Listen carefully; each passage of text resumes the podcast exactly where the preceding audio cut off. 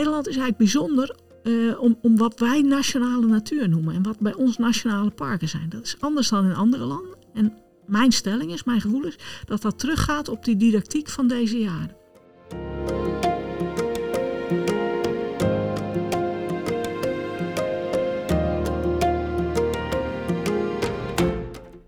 Leuk dat je luistert naar Toekomst voor Natuur, aflevering 49. De podcast met spraakmakende verhalen over natuur en natuurbescherming in de lage landen. We hebben het er regelmatig over in deze podcast. Er is biodiversiteitsverlies, er zijn allerlei uitdagingen in de landbouw, klimaatverandering, waterkwaliteit die maar moeizaam verbetert. Er kan best wel veel verbeteren in onze omgang met de leefomgeving. En nu lijkt het erop alsof deze uitdagingen door één politieke slogan aan de kant geschoven kunnen worden. Nederlanders weer op één.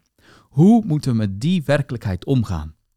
Ik ben Antoni Stip en in deze aflevering gaan we het over die vraag hebben. En dat doe ik samen met Leen Dreesen en zij is docent bij de vakgroep Milieuwetenschappen aan de Open Universiteit, cultuurhistorisch onderzoeker en in 2020 gepromoveerd op het proefschrift met de titel Op weg naar nationale natuur, natuurjournalistiek in Nederland 1850 tot 1910. Leen, van harte welkom in Toekomst voor Natuur. Dankjewel. We gaan uh, eerst even wat luisteraarspost uh, behandelen, want uh, dat hebben we in de afgelopen tijd behoorlijk wat gehad, waarvoor heel veel dank.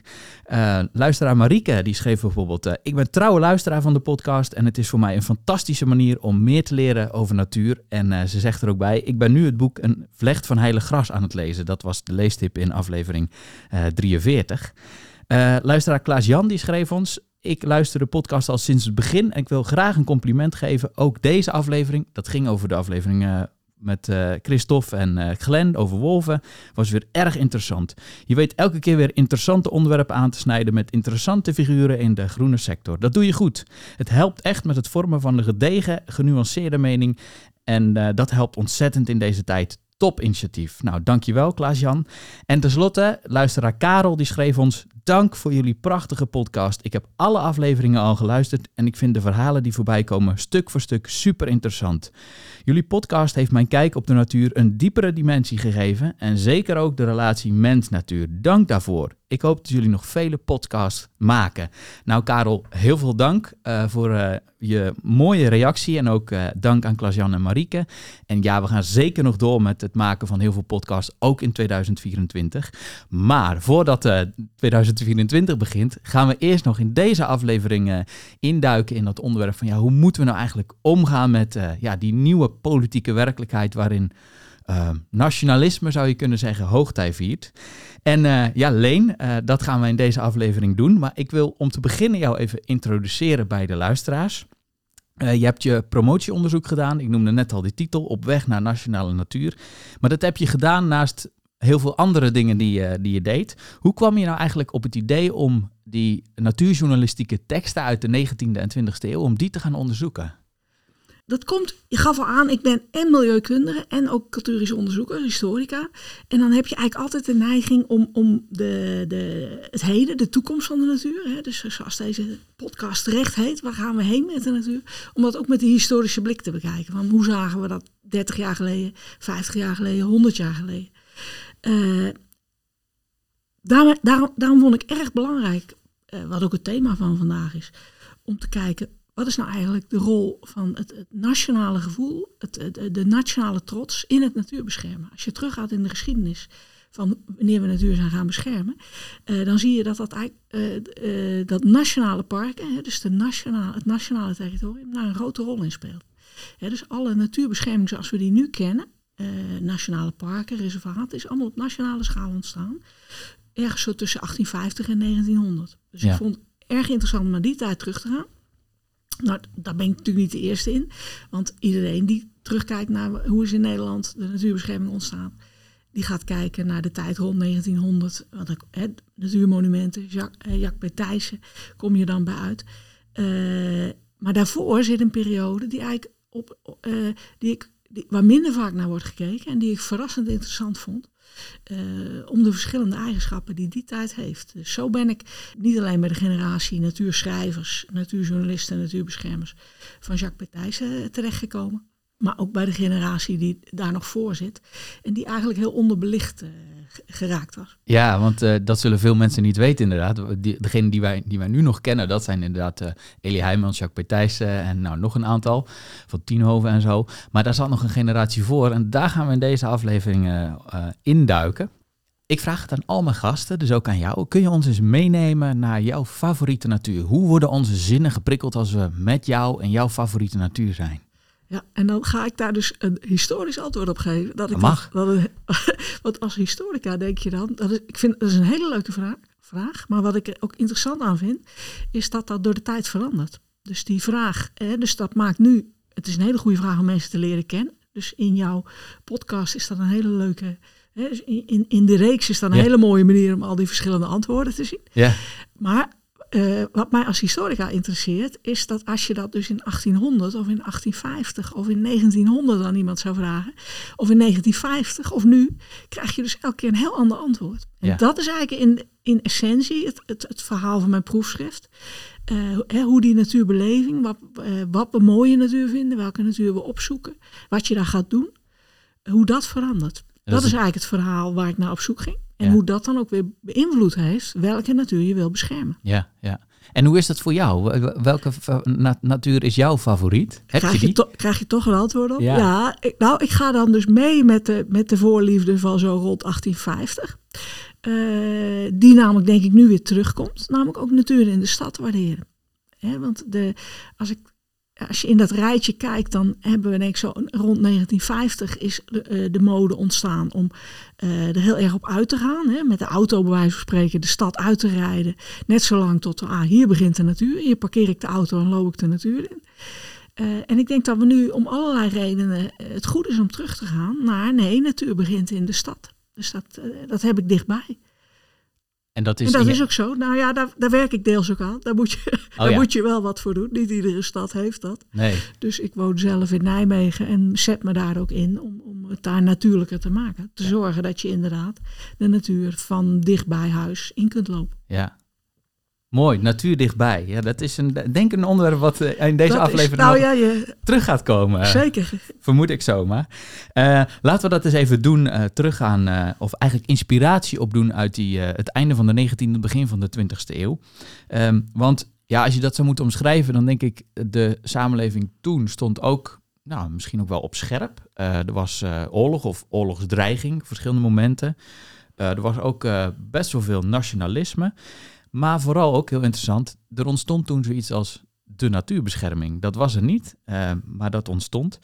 Dus we gaan in deze aflevering eerst terugkijken naar die tijd. En dan komen we op een gegeven moment vanzelf weer in deze tijd uit. En dan, uh, ja, dan hebben we misschien wel lessen te trekken uit die tijd van toen. Um, allereerst, Leen, kun je ons eens een beetje meenemen naar die tijd van toen? Hoe zag, hoe, ja, wat, wat speelde er toen in, in de lage landen, zeg maar?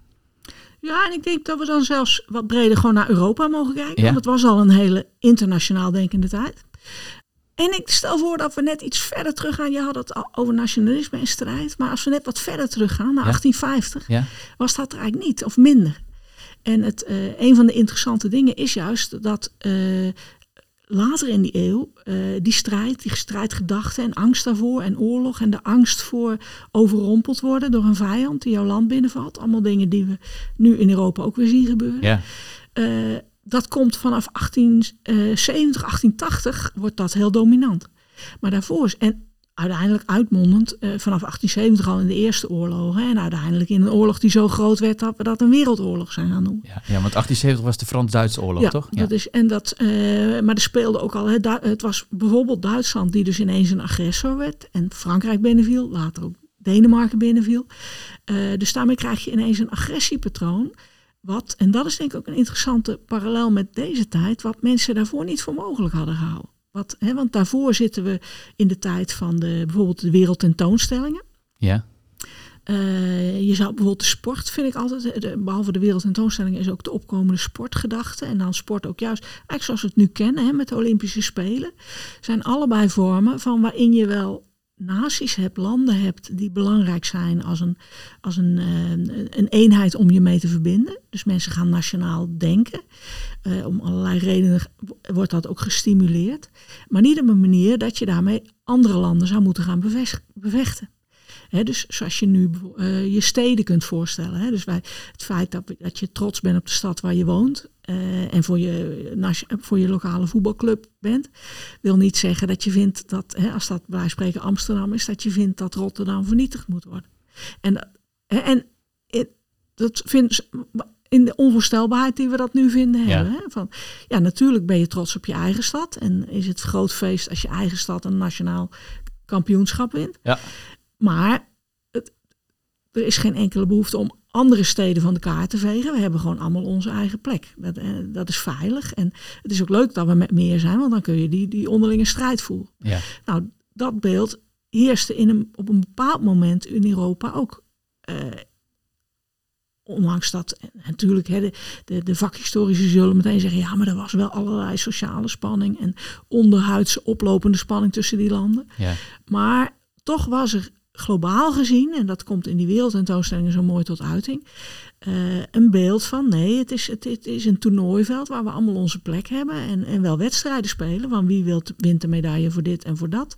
Allemaal zo'n wereld, zo'n wereldtentoonstelling kwam ieder, ook enorm bezocht, kwam heel Europa op af. En daar had je inderdaad een strijd met medailles. Hè, van wie heeft het mooiste schilderij en wie heeft de mooiste stoommachine of telegraaf. Of allemaal mee. Maar niet dat je daarmee die andere landen van de kaart wil vegen. En er heerste dus een, een tijdje een soort optimisme in Europa. Ja, dat uh, in de vaart der volkeren is dat strijdidee voorbij. We gaan nu door in een collectieve broederschapstoekomst uh, die ons allemaal gaat helpen. Er wordt soms ook wel de link gelegd met, met Darwin. Uh, het sociaal Darwinisme, Darwinisme, zoals dat dan wel wordt genoemd, wat zeker als je kijkt naar Duitsland, nou ja, opkwam. Is dat ook iets wat hier dan een rol gaat spelen? Ja, en ik denk wel, je zou dat een soort kip-ei-vraag kunnen noemen. Want in ieder geval gaat dus je kunt gewoon zien dat vanaf 1870, 1880, 1890, 1900 komt daar ineens dat strijdidee op van ja, nee, wij moeten als wij niet voor onszelf opkomen als natie, als volk, als eenheid, als wij niet zelfs agressief meer land gaan veroveren, dan worden wij opgegeten, dan worden wij aangevallen. Dus dan krijg je ineens een nieuw idee van het is, het is, het is, ieder voor zich, jij of ik, en dan gaan we maar vast uh, proactief aanvallen. Ja. En je zou kunnen zeggen, uh, natuurlijk is daar een link in ieder geval, een, een, een, een samenloop met de opkomst van Darwinistische ideeën. dus het, ineens, dat is natuurlijk ook zo interessant aan de 19e eeuw, die, dat, dat hele evolutie-idee, de tijdsdiepte, hoe überhaupt de soorten ontstaan zijn. Ja. Dat is natuurlijk zo fascinerend en nieuw. Dat natuurlijk is daar een soort samenloop met tussen mensen die dit nationalisme gaan, die dit agressieve nationalisme gaan propageren. Natuurlijk maken die gebruik van Darwinistische ideeën. Dus die verkopen dat in ieder geval met te zeggen, uh, zo is de natuur, zo moeten we het doen. Want als wij niet voor onszelf opkomen, dan zijn wij de verliezers in dit verhaal. Dus natuurlijk is die samenloop er, maar tegelijk denk ik dat je niet één op één kunt zeggen dat het door Darwin komt. Want je kunt het bijna vergelijken met, met, met, met de hedendaagse nationalisme, problematiek noem ik het dan maar, zoals we die vanaf de jaren negentig op de Balkan bijvoorbeeld hebben zien herleven. Waar ineens ja, dit soort uh, ja, dus, dus, dus, dus uh, gevaarlijke nationalisme, uh, onverdraagzame nationalisme is misschien ja. de goede term daarvoor, ook opkomt. Ja, daarvan kun je dan ook zeggen, is dat iets wat daar altijd is blijven sluimeren, wat in, in de mensen zit? Of wordt het, hè, ik zeg het nu even, dus zoals ik het niet denk dat het niet is. Ja. Of is het iets, een vonk die we misschien allemaal wel, is het een gevaarlijk vuur wat je in mensen kunt aansteken door ze bang te maken? dan kun je ze dat gevoel, dat gevoel aanjagen van we zijn bedreigd, wij moeten aanvallen. Ja. Uh, wat door mensen misbruikt wordt. En hè, dat kun je dus voor, de, voor, voor onze tijd zeggen. Is, is het iets wat we, uh, is het een, een gevoel in ons allemaal wat we moeten onderdrukken of iets wat waar anderen een lucifer bijhouden en dat aanjagen? Ja, daarin kun je in dat licht zeggen, is hij de oorzaak daarvan of wordt, wordt zijn theorie gebruikt daarvoor?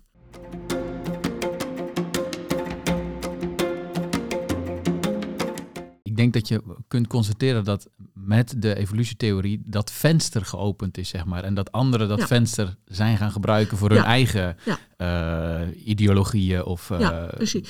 ideeën. Precies, want het interessante is, wat, als we nu sociaal Darwinisme zeggen, bedoelen we daar eigenlijk automatisch mee dit. Hè? Dus dat je eh, uit Darwin de strijdgedachte pakt Ja. en zegt, als wij niet gaan vechten en, en, en meer land veroveren, gaan wij verliezen en worden wij van de kaart geveegd. Dus we moeten wel. Dat noemen we nu sociaal Darwinisme.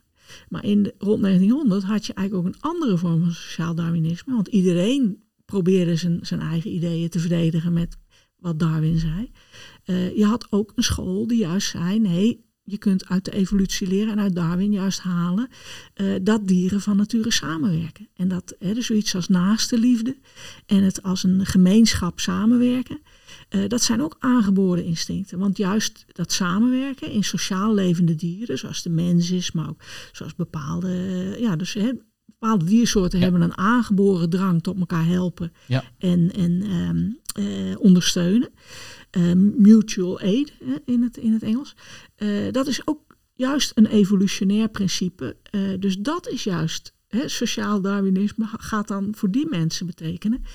Anarchisten bijvoorbeeld, als, eh, de, de, zoals Kropotkin eh, gaan dat propageren.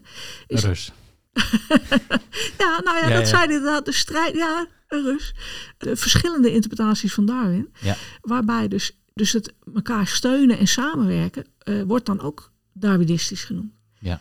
Eh, dus beide partijen, dus, want dat is dus een heel internationalistische vi- hè, dus een, een, een visie eh, van mensen zoals anarchisten, die dus juist heel expliciet tegen het nationalisme en militarisme van die tijd zijn. Dus die gaan de gevangenis in omdat ze vrijwillig, omdat ze dienst weigeren.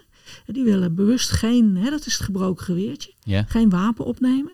Het is echt een leer van nee, alle mensen zijn gelijk en we moeten ons niet laten gek maken door dat nazi-idee en dat militarisme.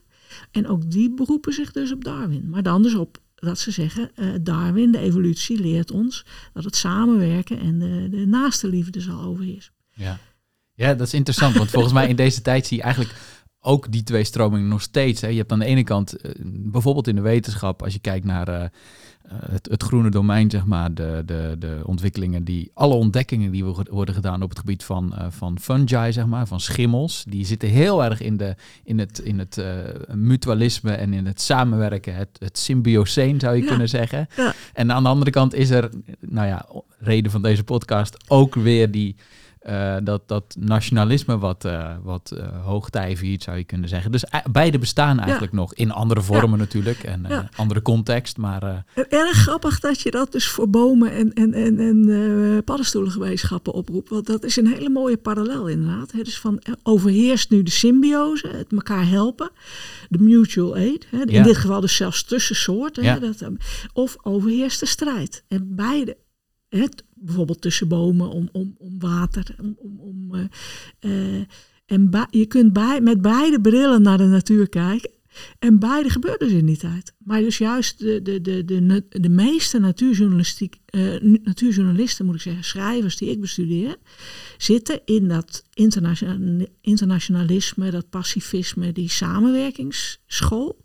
En in hun tijdschriften benadrukken ze dus ook toen al eh, die samenwerking. Dus krijg je dus, terwijl het eigenlijk gewoon populair wetenschappelijke tijdschriften zijn, gaan ze, ja, net zoals je dat nu in feite nog hebt, gaan ze dus benadrukken. eh, krijg je stukjes over symbiose, uitleg wat is symbiose, hoe helpen dieren en planten elkaar. ja. Ja, nou, je, je maakt wel heel mooi de brug naar het volgende wat ik je wilde voorleggen. Want in die tijd on- ontstaat inderdaad ook zoiets als natuurbescherming. Het is anders dan we dat nu eh, organiseren, maar je kunt het wel natuurbescherming eh, noemen. Waarom gingen die schrijvers zich daarmee bezighouden? Ik denk heel primair omdat ze zoveel van de natuur hielden en het voor hun ogen zagen verdwijnen. Die, eh, dat was ook een van, de, een van de dingen die mij dreef naar die natuurjournalistiek als een bron voor hoe ervoeren mensen het zien verdwijnen van eh, stukken natuur eh, die je goed kent. Ja, en dat verdwijnen, dat kwam dan weer door de industriële revolutie, onder andere die heel veel dingen in gang zetten. Ja, en in Nederland is het interessante dat dat verdwijnen grotendeels ook al wat eerder zit. Want uh, dat is die generatie die vanaf 1850 gaat, gaat rondwandelen en schrijven. Dat zijn mensen die uh, heel erg houden van de natuur dicht bij huis bestuderen. He, dus een beetje met, met ook de, nog de natuurliefhebbers van nu kun je dat vergelijken. De, de natuurstudieliefhebbers. Ja. Dus veel een ronde maken op eenzelfde plek in je eigen omgeving. En daar goed bijhouden het, het, het, uh, verschijnen van bepaalde planten. Uh, dus echt de natuur, detail, studie, specialisme als amateurhobby. Ja. Als je dat veel doet in een bepaalde vertrouwde eigen omgeving, dan zie je die veranderen. Veel meer dan wanneer je één keer in je leven naar Zwitserland gaat, dan Ja. zie je het één keer. Maar als je dicht bij huis goed oplet, zie je het veranderen. En dat was dan eh, deels al, ook al wel het, het, het dicht bij de stad, het groeien van de stad.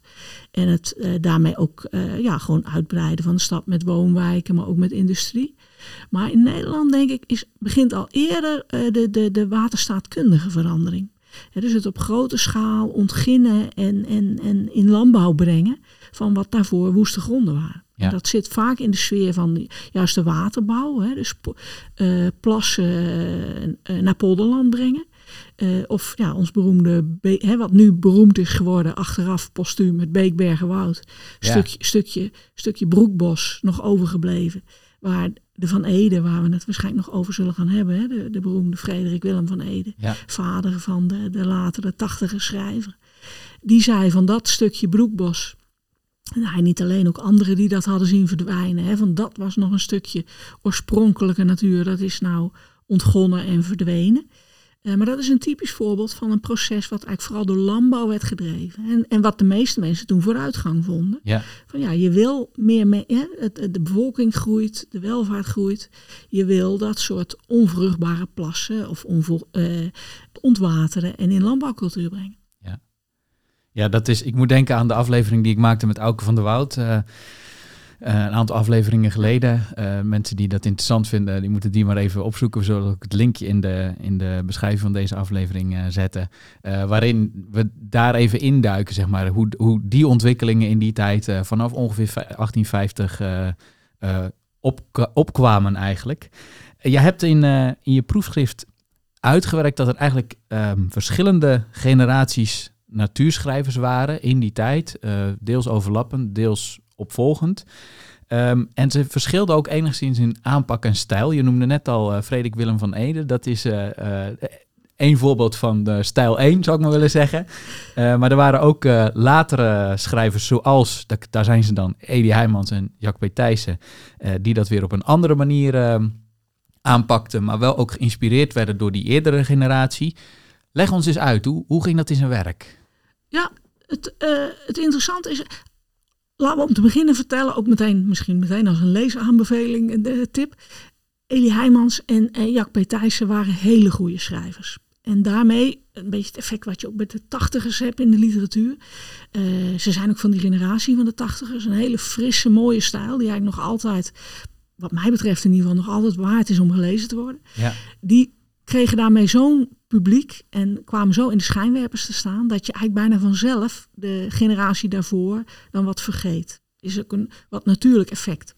Dus er zat een generatie voor, maar met de nieuwe eh, schrijverij van eh Heijmans en Thijssen verdween eigenlijk de, de, überhaupt de behoefte om die schrijvers daarvoor nog te lezen. Dus die raakten, ja, zou je ook kunnen zeggen, als een natuurlijk proces vergeten, behalve eentje. Eh, dat is Frederik Willem van Ede, die om verschillende redenen, onder andere omdat Jack P. Thijssen het voortdurend over hem bleef hebben, eh, wel onthouden, eh, dus de, in herinnering is gebleven. Ja. Eh, maar wat, en mede nu doordat je digitaal ook zoveel makkelijker in die tamelijk vluchtige geschriften van die eerdere generatie, dus de kranten waar ze in schreven, de tijdschriften waar ze in schreven, dat is nu beter ontsloten. Dus je kunt nu eigenlijk ook relatief makkelijker, als je daarnaar op zoek gaat, ontdekken van ja, nee, maar er, er zit een generatie voor, die bestond uit meer schrijvers dan alleen eh, Frederik Willem van Ede. ja, Eh, en eh, Heijmans en Thijssen noemen ook gewoon al schrijvers uit die generatie daarvoor. Hè, die noemen. En naar die ben ik dus ook maar gewoon als eerste op zoek gegaan. Die noemen een Gertruide Karelsen, en Henrik Witte. Die noemen zij gewoon als, ja, dat zijn naast Frederik Willem van Ede ook onze voorbeelden, onze helden. Onze inspiratiebronnen. En het, het, het grappige is dat die, dus die, die, die Karelsen en Witte bijvoorbeeld, die lijken eigenlijk in allerlei aspecten veel meer op de generatie daarna. Dus op, Heijmans en op het werk van Heijmans en Thijs. Ja. Dus het is, het is eigenlijk vooral die Frederik Willem van Ede die een soort eenling is. Een eigen, eh, een eigen stijl, wat conservatiever, wat mopperiger. eh, wat meer op zijn Duits gezegd heimaat gericht. Eh, dat is eigenlijk een soort eenling. En de rest zijn wel in, in leeftijd generaties. Maar zijn we, zou je wel een doorlopende stijl kunnen noemen. En hoe komt het dat, dat Van Ede daar de eenling in is, zeg maar? Waarom, waarom deed de anderen dat niet en hij wel? Is dat zijn karakter? Of, Ja, of- dat is een goede vraag. Nou ja, een van de heel interessante dingen is, is dat hij, en dat maakt ook weer de link met deze tijd interessant. Toen ik dus zijn werk beter ging bestuderen, want het, het is om allerlei redenen interessant. Het is, eh, hij is niet voor niks eh, onthouden gebleven, hij is er heruitgegeven eh, gebleven. Hij is ook degene die als eerste heeft gezegd, laten we bijzondere stukken natuur gaan bewaren in dit land, voor het nageslag gaan bewaren. Dat was rond 1880. Toen werd dat nog niet opgepikt als van ja, dat gaan we echt doen. Maar hij heeft het wel op papier gezet in zo'n botanische wandeling, zoals hij ze schreef. En het was later Thijssen die daarmee ook steeds is blijven terugwijzen naar Van Ede heeft dat als eerste gezegd. Om monumenten van natuur te gaan bewaren. Eh, dus hij is om allerlei redenen interessant te schrijven. Ook hij begon anders. Dus hij is eh, hij wordt op een gegeven moment, een, wat je zou je kunnen zeggen, een, een, een, een, een wat meer bezorgde, angstige, mopperende schrijver. Hij krijgt dat, dat, dat, dat, dat, dat, dat bangere nationalisme over zich. Dat hij overal ontaarding en verzwakking van de Nederlandse natie ziet. Dus hij raakt meer dan anderen bevangen door dat benauwde nationalisme. En gaat om die, mee om die reden dus ook zeggen, eh, we moeten onze, eh, onze eigen aard en onze eigen verbondenheid met de nationale natuur. En dan echt opgevat als, als de, de, ja, de, de, de, hè, onze, eh, wat ons, eh, de bodem die on- ons ons karakter geeft. ja. Eh, dat moeten we koesteren. Want als we dat niet bewaren en vasthouden, die, die, die aarding niet vasthouden, komt daarmee ons volk, onze natie in gevaar. Maar dat is ook bij hem een, een nieuwe opvatting. Dus, hij, dus rond, als hij begint te schrijven, rond 1860, eh, eh, heeft hij dat nog niet. Dan is, je ziet bij hem dat nationalisme veranderen van aard. En een van de eerste dingen waarin ik dat zag bij hem in citaten, eh, door de jaren heen van zijn artikelen, is dat hij anders over cosmopolitisme gaat schrijven. Oké. En dat is dus een, een hele leuk, ja, een soort signaal, een marker, een signaalstof Ja, ja. voor hey, hij gaat. Eerst vindt hij dat nog een positieve eigenschap.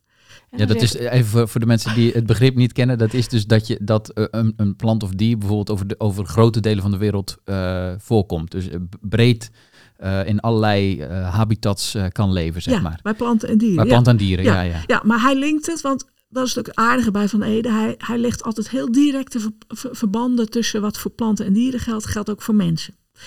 Dus, in, dus ook dit koppelt hij aan planten en dieren en aan mensen. Dus het is een en hè, want je zegt eh, terecht leg je even uit eh, bij planten en dieren eh, is dat de eigenschap dat je overal ter wereld goed kunt aarden. Maar hij koppelt dat heel direct aan een eigenschap ook van mensen. Dus hij zegt je hebt ook bij mensen heb je meer nationaal gebonden mensen en je hebt mensen die overal ter wereld goed kunnen aarden. En- maar dat is, dat is een nieuwe variant. Want eerder, in die, midden in de eeuw, noemt hij het gewoon beide. eh, zegt hij de mens is een cosmopoliet, hè, in die biologische zin. Wij kunnen overal ter wereld leven. Eh, en de hoogste diersoorten kunnen dat ook. Want dat zijn typisch ook de, de, de diersoorten die ons vergezellen. Hè, bijvoorbeeld het paard. Hè, is een, eh, allemaal edele soorten. Ja. Het paard en de hond en de roos zijn allemaal, net als wij, cosmopolieten. En dat is dus eigenlijk een heel hoog ontwikkelde eigenschap dat we overal ter wereld kunnen aarden. En juist Van Ede is iemand die dat eh, dus makkelijk van dat soort burgerschapsnoties van die planten en dieren naar mensen gaat. Dus hij vindt dat ook bij mensen een positieve eigenschap.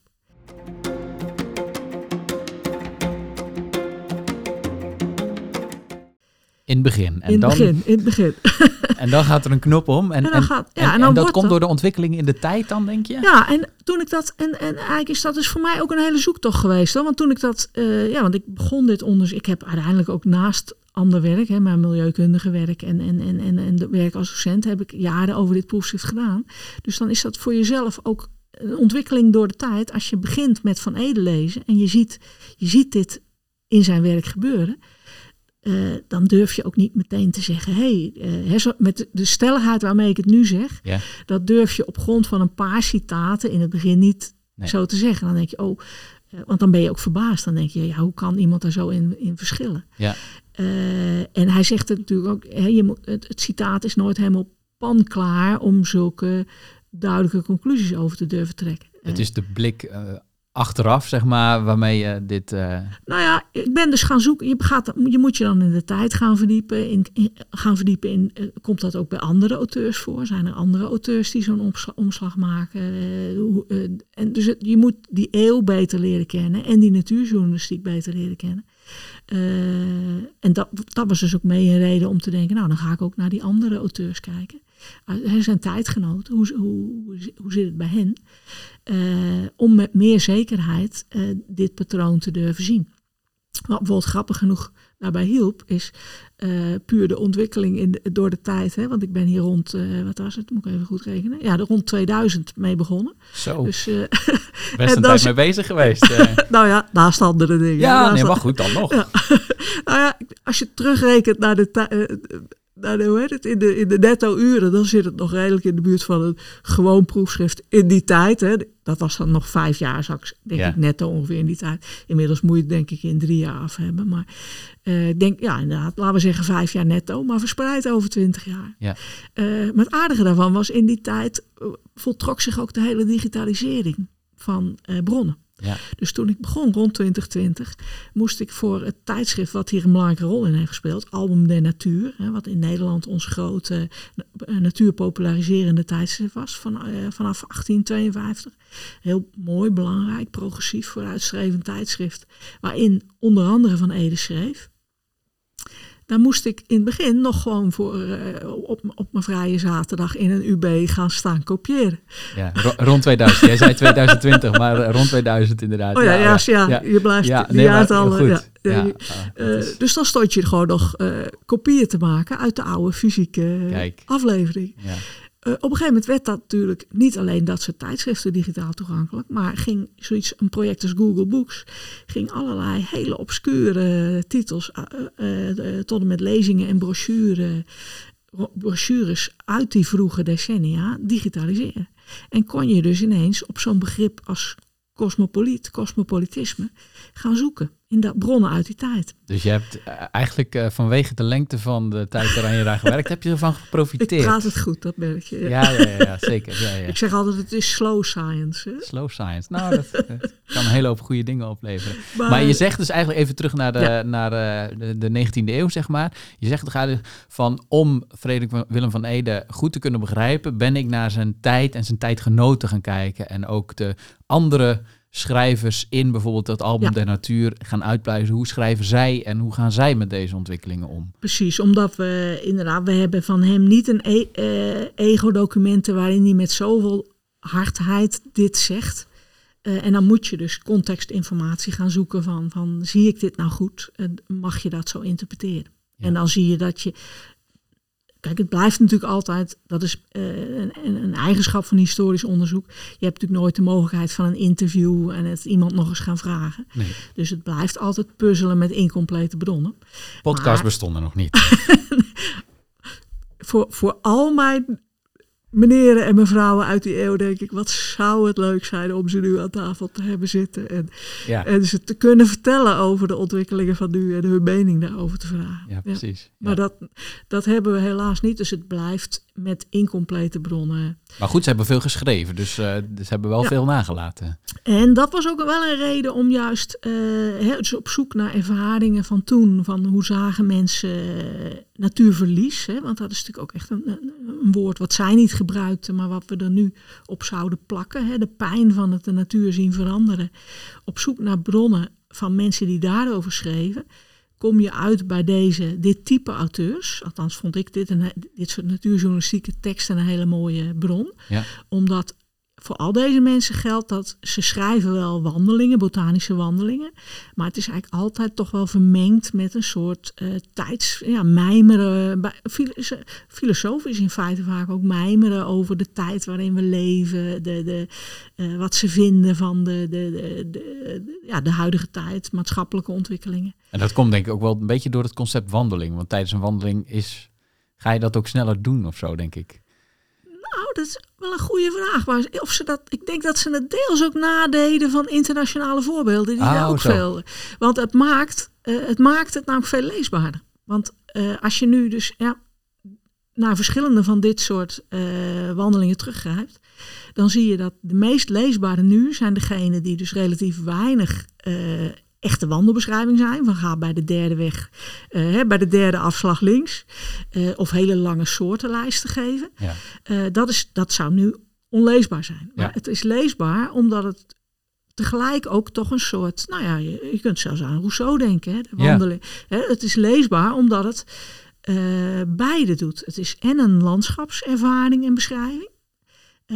maar het, het neemt je toch ook mee gewoon op een verhalend pad. Ja, ja. Eh, waar, waarin hun eigen, ja, hun, hun mijmeringen heel belangrijk zijn. Ja, nou ja, wa- wat ik, wat ik bedoelde eigenlijk is van het, het feit dat je.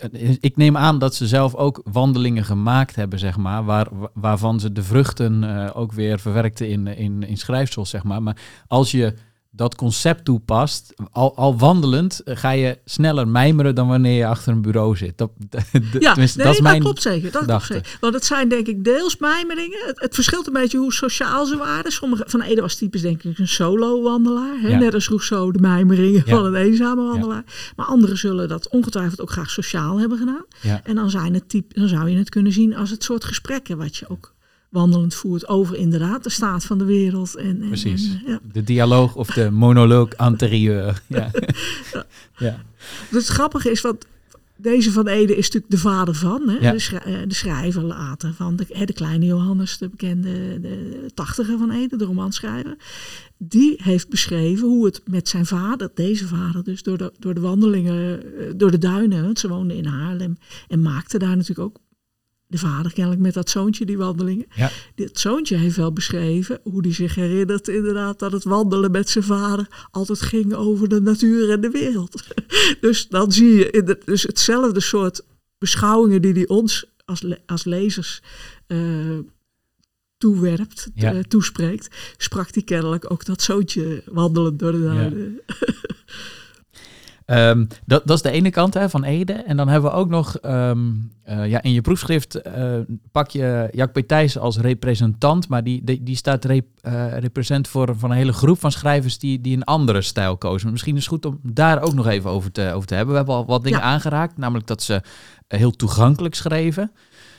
En dat ze geïnspireerd waren door anderen. Eh, je noemde al eh, Rousseau, maar eh, volgens mij in, je, in je proefschrift werk je ook Thoreau en, en andere Ja. Amerikanen precies. uit. Die Amerikaanse school is daar heel belangrijk in. Hè? Dus Emerson, Burroughs. Ja.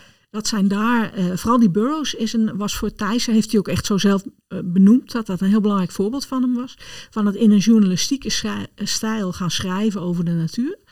Eh, hè, dus een soort natuurcolumns die, die ook echt in tijdschriften, in kranten verschenen om mensen te enthousiasmeren om buiten de natuur te gaan bezoeken. Zoals we dat eigenlijk op een bepaalde manier eh, sindsdien gehouden hebben. Hè. Heel veel kranten en tijdschriften hebben nog steeds dat soort praatjes over de natuur. Van kom eens buiten kijken hoe mooi het is. Ja.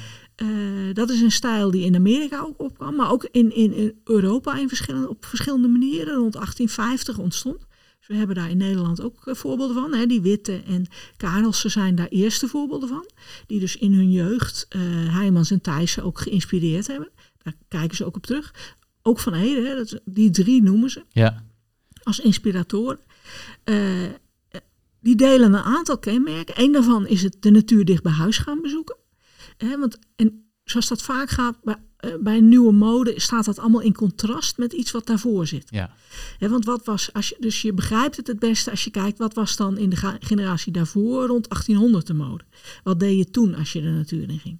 Nou, rond 1800 zit je nog heel erg in, die, ehm, eh, in, in wat je de, de sentimentele of romantische natuurbeleving zou kunnen noemen.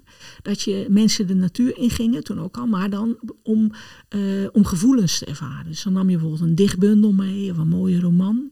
Eh, of je ging bij maneschijn. Eh, en mensen gingen dan ook naar plekken die, die, die, die ja, wat we nu nog romantische landschappen noemen. Hè? Dus, dus eh, dat er een ruïne in staat, of dat het bergtoppen, een, een, een steile helling, een waterval, allemaal dingen die. En daar werd ook over geschreven in die tijd, in de filosofie, in de landschapsfilosofie, was heel erg gericht op wat voel je erbij. Hè? Dus Oh wat voel je als je in een afgrond kijkt en huivert, of wat voel je bij de, het overweldigende van de sterrenhemel of van een hooggebergte. Eh, het was allemaal gevoelsgericht. En dan dus of op dat sublieme, dat huiveren, eh, wat je, en, eh, of dat overweldigende wat je kon ervaren. Maar ook bijvoorbeeld op, op de historische sensatie. Hè? Dus een hunnebed of een, de, de, de, een ruïne van een abdij. Dat, en dus dat kon je ervaren door ver weg te gaan, door naar de Alpen te gaan en een echte waterval en een echte bergen. Maar je kon het ook op kleine schaal in een park in de buurt nabouwen. Ja. Dus daar kon je ook een kleine waterval maken. Of een, en een ruïne, een folly werd dan gewoon neergezet. Oh ja. Eh, en ook, eh, dus het was, het, hele, het, het was echt gericht op het beleven van het hele gevoelsspectrum. Hè. Dus daar kon ook eh, het, het, het mijmeren over de dood en mensen verliezen. Eh, verliefd zijn en daarin misschien mensen ook juist weer verliezen. Het was allemaal een beetje ook gericht op dat. Het mocht een beetje pijn doen. Het is Ja. de tijd waarin de horror-genre eh, ontstaat ook. Oh ja. De griezelroman. Dus Ja. het mo- mocht allemaal een beetje pijn doen. Dus je kon een, een, ehm, eh, ja, dus je kon een horrorroman of een liefdesgedicht of een verliesgedicht gaan zitten lezen in de natuur. Het moet heel erg denken aan Goethe. Ja, nou dat is spot on. Ja. Als iemand dit, dit, dit symboliseert, is hij het. Ja. Dus, want het grappige is, Goethe, voor, ook nog een leestip voor mensen. Goethes beroemdste roman in dit kader, hè, die Leiden des jonge ja. Wat doet die jongeman? Die gaat, zit, die gaat met boekjes zitten lezen in de natuur. Ja. Die doet dit. Dit even voor die tijd rond 1800. Dan gaan me, eh, en zo als dat gaat met modes, even gaan mensen daar helemaal in op. En op een gegeven moment denk je, nou, nou wordt het wel eh, tijd voor iets nieuws. En dan komen Elie Heimels en Jack aan Nou ja, dat is, dat- Die zitten althans, 100 jaar later, ja. maar 50 jaar later ontstaat dus al een soort eh, ja, wat meer, meer frisse eh, stijl van laten we het nou eens even anders gaan doen. We gaan nou even niet meer naar Rome. Eh, dus dan wordt dat eerder ineens kitsch, wat we nou eigenlijk, eigenlijk nog steeds een beetje vinden. Hè? Bij een, in de maneschijn bij een ruïne gaan zitten of bij een zonsondergang gaan zitten zwelmen. Ja, dat is een beetje kitschig. Nee, er moet, we moeten iets nieuws, fris, sportievers hebben. En de mode die dan ontstaat, is op een bepaalde manier eigenlijk nog steeds onze sportievere natuursportmode. Want wat, wat wordt dan ineens mode? De landschappen mogen eenvoudig zijn. Dus je hoeft niet meer naar de Alpen. Je mag gewoon een weiland of een bos dichtbij inlopen. En we gaan daar niet meer zitten introspectief voelen van waar huiver ik bij en, en, en, en tearjerking gedichten zitten lezen. Nee, we gaan de natuur bestuderen. We gaan, we gaan ons verwonderen eh, over hoe mooi en bijzonder eigenlijk al die soorten zijn. Al die torretjes, al die... eh, dus dan ontstaat ook de, als hobby om al die, al die verschillende soorten op naam te gaan. Dus heel goed te gaan kijken. Mensen worden dan ook, kiezen dan ook een specialisme. Hè, dus worden een entomoloog of een plantkundige of wat ze, wat ze maar aanspreekt. En dat bijna als een postzegelverzameling heel precies te gaan beschrijven. Daar zitten dan nog wel generaties in. Bijzonder is bijvoorbeeld eerst dat het ook echt een soort verzamelwoede werd. Hè, van dan alles, eh, nou ja, hier bij de Vlindersstichting toepasselijk. Hè, de, de, de beroemde vlinderjagers van toen Ja, waren natuurlijk prikkers. Hè, Ja, dat, ja. Prikken bij, Rikkenbeen, ja. dat, wa- wat precies in die tijd, dat zijn dus... Prikkenbeen is eigenlijk een spotfiguur van die mode. Ja. Van dat er dus mensen zo gek werden om met een plantenbus of met een vangnet door de natuur eh, op jacht te gaan. Eerst voor hun albums. Want dan werd het een collectie dat je dus een herbarium of een vlindercollectie of een torrencollectie. Dan nam je het allemaal mee naar huis. En bij de wat grotere dieren, de vogels bijvoorbeeld, betekende dat ja ook echt letterlijk uit de lucht schieten. Ja. Eh, en, de, en de huidjes eh, bewaren. Dat is het beste bewijs dat je iets gezien had. Dat je het geschoten had. Nou ja, Anders, eh, er was natuurlijk ook nog geen fotografie. Nee, En precies. nog geen goede, goedkope verrekijkers. Nee. En een van de dingen die dus, wat dan wel nieuw is in de generatie rond 1900, is om te zeggen, eh, Want je zou het ook nog allemaal als, als vormen van, ook in dat, in dat het is, uiteindelijk is het allemaal didactiek. Je wilt mensen daar iets mee leren. Tenminste, niet de mensen die het per se deden, gewoon, die met dat netje rondliepen. Maar de, de, de, de onderwijzers die dit propageren. En Heijmans en Thijssen waren onderwijzers. Ja. Eh, van jeugd, maar ook een soort volksonderwijzers. Je zou ook kunnen zeggen dominees, maar dan geseculariseerd. Ja. Dus ze predikten niet meer over, de, over een, een religie, maar over de natuur. Eh, en wat wouden ze daarmee dan bereiken? Het is uiteindelijk toch, blijft het christelijk, een soort liefdegospel. Van uh, kom dicht bij je gevoel en leer houden van belangrijke dingen en daarmee ook van andere mensen. Ja. En al deze verschillende vormen die we beschrijven, zijn er eigenlijk een vorm van. Hè? Dus uh, rond 1800 van kom dicht bij je eigen gevoel, voel waarbij je huivert, waar je van houdt, was een vorm van mensen sensibiliseren daarvoor. Rond 1850 worden de mensen de, de, ogen openen voor het mooie van die natuur dichtbij. Uh, rond 1900 gaan ze er nog bij zeggen. Uh, maak, daar, maak daar dan dus die, die vlinders en die vogels en die torretjes niet voor dood, maar beschrijf ze Ja. als levende wezens. Dus ga er, eh, dan wordt dus niet het streven om met, je, met een volle buit naar huis te gaan, maar een dag te gaan zitten observeren. Ja. Dus, dus de modes veranderen wel, maar er zit ook een, een, een, een blijvende, een, een, de, de, de, de, de rode draad daarachter is steeds dat, eh, ja, wat je de liefde didactiek zou kunnen noemen. Ja.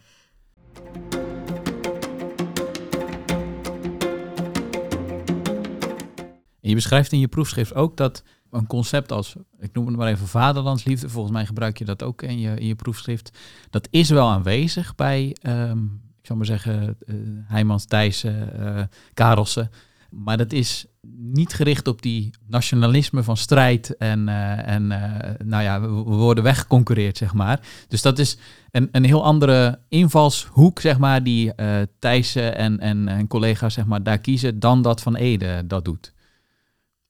Ja, nou ja, is wat dat betreft belangrijk dat het vaderlands liefde heet. Ja.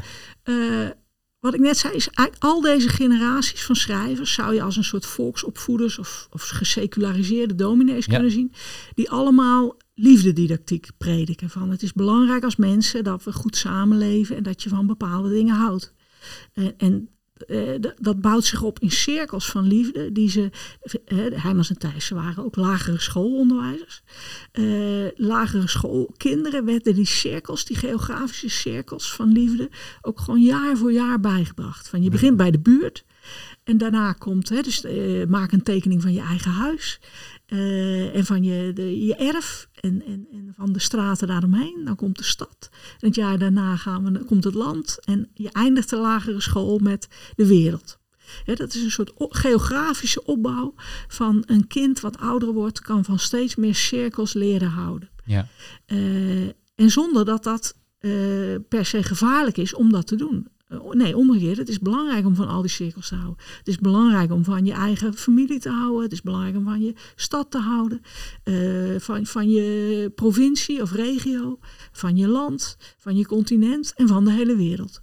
Uh, zonder dat dat per se gevaarlijk is. Het wordt pas gevaarlijk als, als, als het die vorm krijgt. Van, en daarom moeten we met andere uh, nou ja, bij, op het niveau van steden met andere steden gaan vechten. Of op het niveau van gezinnen. Hè, een soort maffia-clanbeeld van als je zoveel alleen maar van je eigen familie houdt, dat je andere families gaat bevechten. Ja. Uh, maar in, het, in dit progressief-liberale wereldbeeld. En ook het socialistische wereldbeeld van, van, van midden 19e eeuw. was dat idee van en anderen bevechten ver weg. Dus het waren gewoon allemaal schalen van liefde, zou je kunnen zeggen. En daar was het houden van je land er één van. Ja, en je beschrijft ook dat ze eigenlijk uh, steeds minder over concrete plekken gingen schrijven, maar meer over uh, veralgemeniseerde landschappen, zeg maar. Waarin je, nou ja, in de duinen had je bepaalde dingen die je kon zien. En dat maakt niet uit of dat bij Haarlem was of dat het uh, in Meijendel was, zeg maar. Maar dat werd ook een beetje de, de richting die zij opkozen. Ja, en dat is, dat is een grappige samenloop in Nederland. En dat is misschien ook vast als een voorschot als we het over de natuur voor de toekomst gaan hebben. Ja.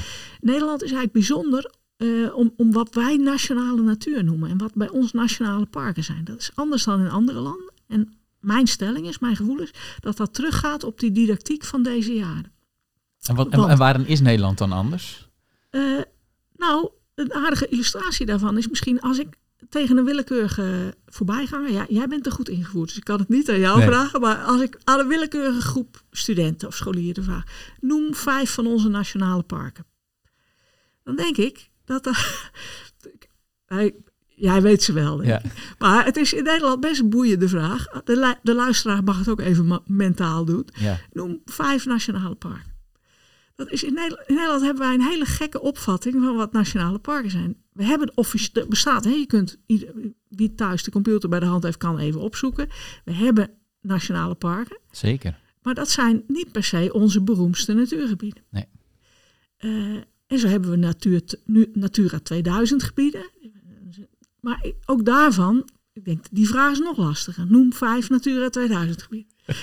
Ja. hoe kon, hoe, dat is best bijzonder. Kijk, wat in andere landen... Als je een Amerikaan vraagt, noem vijf nationale parken. Nou, die, die weet ze echt wat te noemen. Ja. De, A- de na- Amerikaanse nationale parken zijn natuurlijk ook wereldberoemd. Zij hebben het concept min of meer uitgevonden.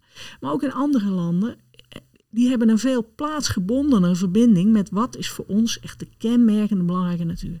Ja, dus in Engeland denk je dan aan de Schotse hooglanden of het Lake District of de Yorkshire Moors. Of, maar daar is echt een heel streekgebonden, locatiegebonden opvatting van wat is onze belangrijkste natuur. En als er nou morgen een hele grote eh, virtuele bulldozer komt die het hele land gaat uitvegen, wat willen we dan dat bewaard blijft? En mind you, dat was eigenlijk hoe de 19e eeuw het zag. Zij, dacht, zij zagen voor zich, het hele landschap gaat ontgonnen worden. En misschien kunnen we 1% redden. En wat moeten we dan redden? Ja.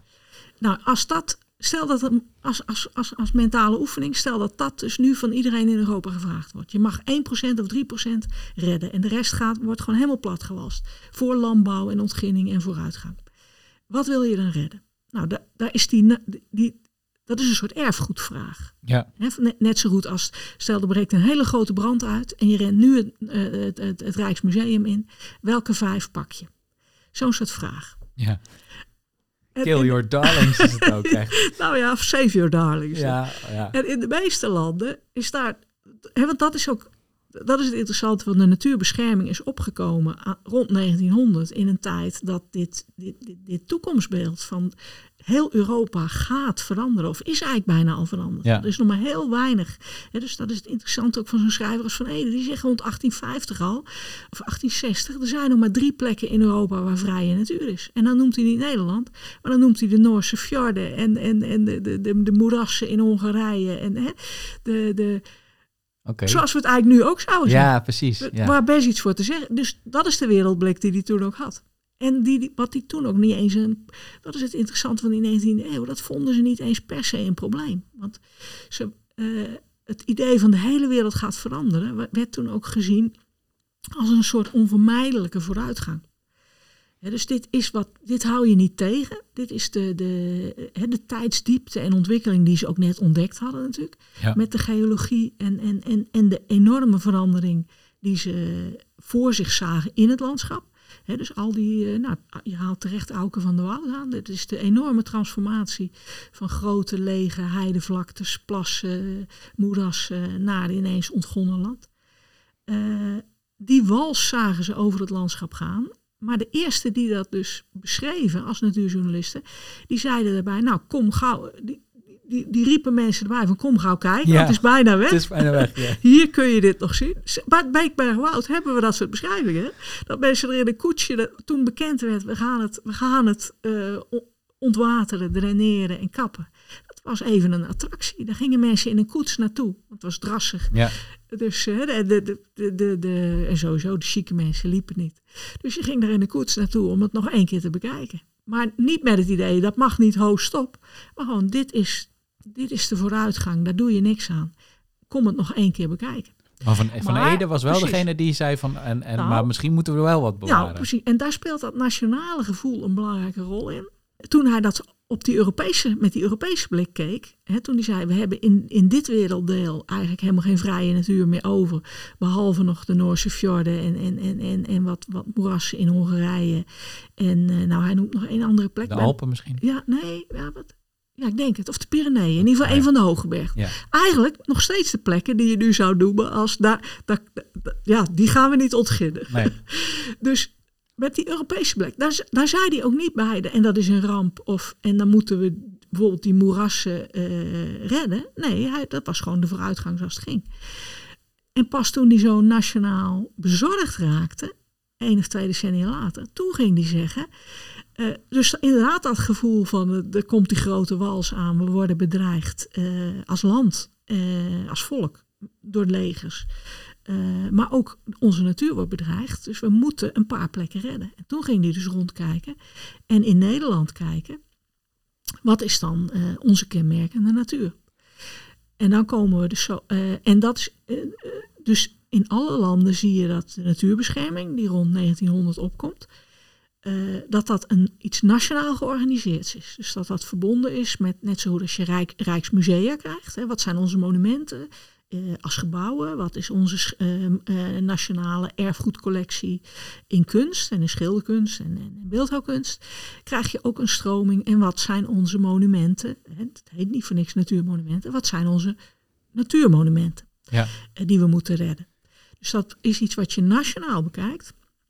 En waar je dus in die andere landen dan vaak ook de, de, de, de, ja, met die blik naar kijkt van eh, de, de historisch geladenheid daarvan. Van, hè, dus de Harts eh, of de Rijn is dan bijvoorbeeld bijzonder omdat het ook al die kastelen heeft. Of omdat het literair bijvoorbeeld, hè, de Hartskeuten, Ja. eh, geladen is. Dus het zijn natuurparels die je wil bewaren omdat ze verbonden zijn met belangrijke schrijvers of na- nationale gebeurtenissen of gebouwen, monumenten die daar weer in staan.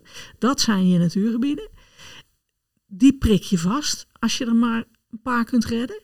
Eh, en dan zou dus ook ondenkbaar zijn om later te zeggen, eh, nou ja, die kunnen we verplaatsen. Want die zijn niet verplaatsbaar, die horen op die plek.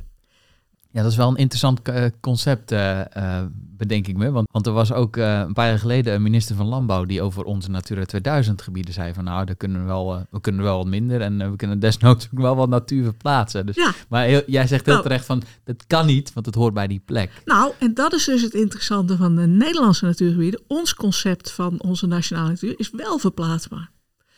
Door die abstractie. Want Nederlanders delen hun natuur. En dat, hebben we eigenlijk, dat is eigenlijk ontstaan in die natuurjournalistiek en die didactiek van Heijmans en Thijssen. Dat wij onze natuur, als, als je Nederlanders vraagt wat is typische natuur, dan gaan ze landschapstypen noemen. Ze zeggen nou hei en bossen en plassen en de duinen.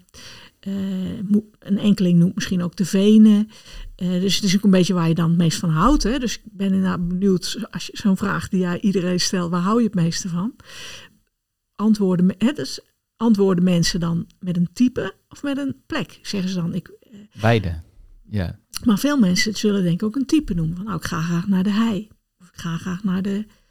Ja, ook, ook. Maar ook, ook wel concrete plekken. Ja. Dus het gebeurt allebei. Ja. Ja. Ja, maar dat verschil bedoel ik. En die Nederlandse manier van eh, natuur vooral indelen in eh, wat die uiteindelijk biologische biotopen, landschapstypen zijn. eh, dat is iets wat die natuurjournalisten van de generatie daarvoor, maar ook van de generatie van Heijmans en Thijs eh, typisch graag deden. Eh, want dat was namelijk heel handig op het moment dat je zo biologisch gericht was. En je wil mensen de verschillende type planten en dieren van een gebied eh, eh, leren kennen, van een land of van een streek, is het heel handig om ze naar die verschillende typen te verwijzen. Ja. En want die zijn overal wel min of meer te vinden. En dan kun je dus een gidsje maken. Dat was typisch hoe zij schreven. Dan maak je één gidsje voor naar de bossen, één gidsje voor naar de duinen, één gidsje voor naar, eh, naar, naar, naar, het rietland, eh één gidsje voor langs dijken en wegen, één gidsje voor in de stad, naar, in het Vondelpark.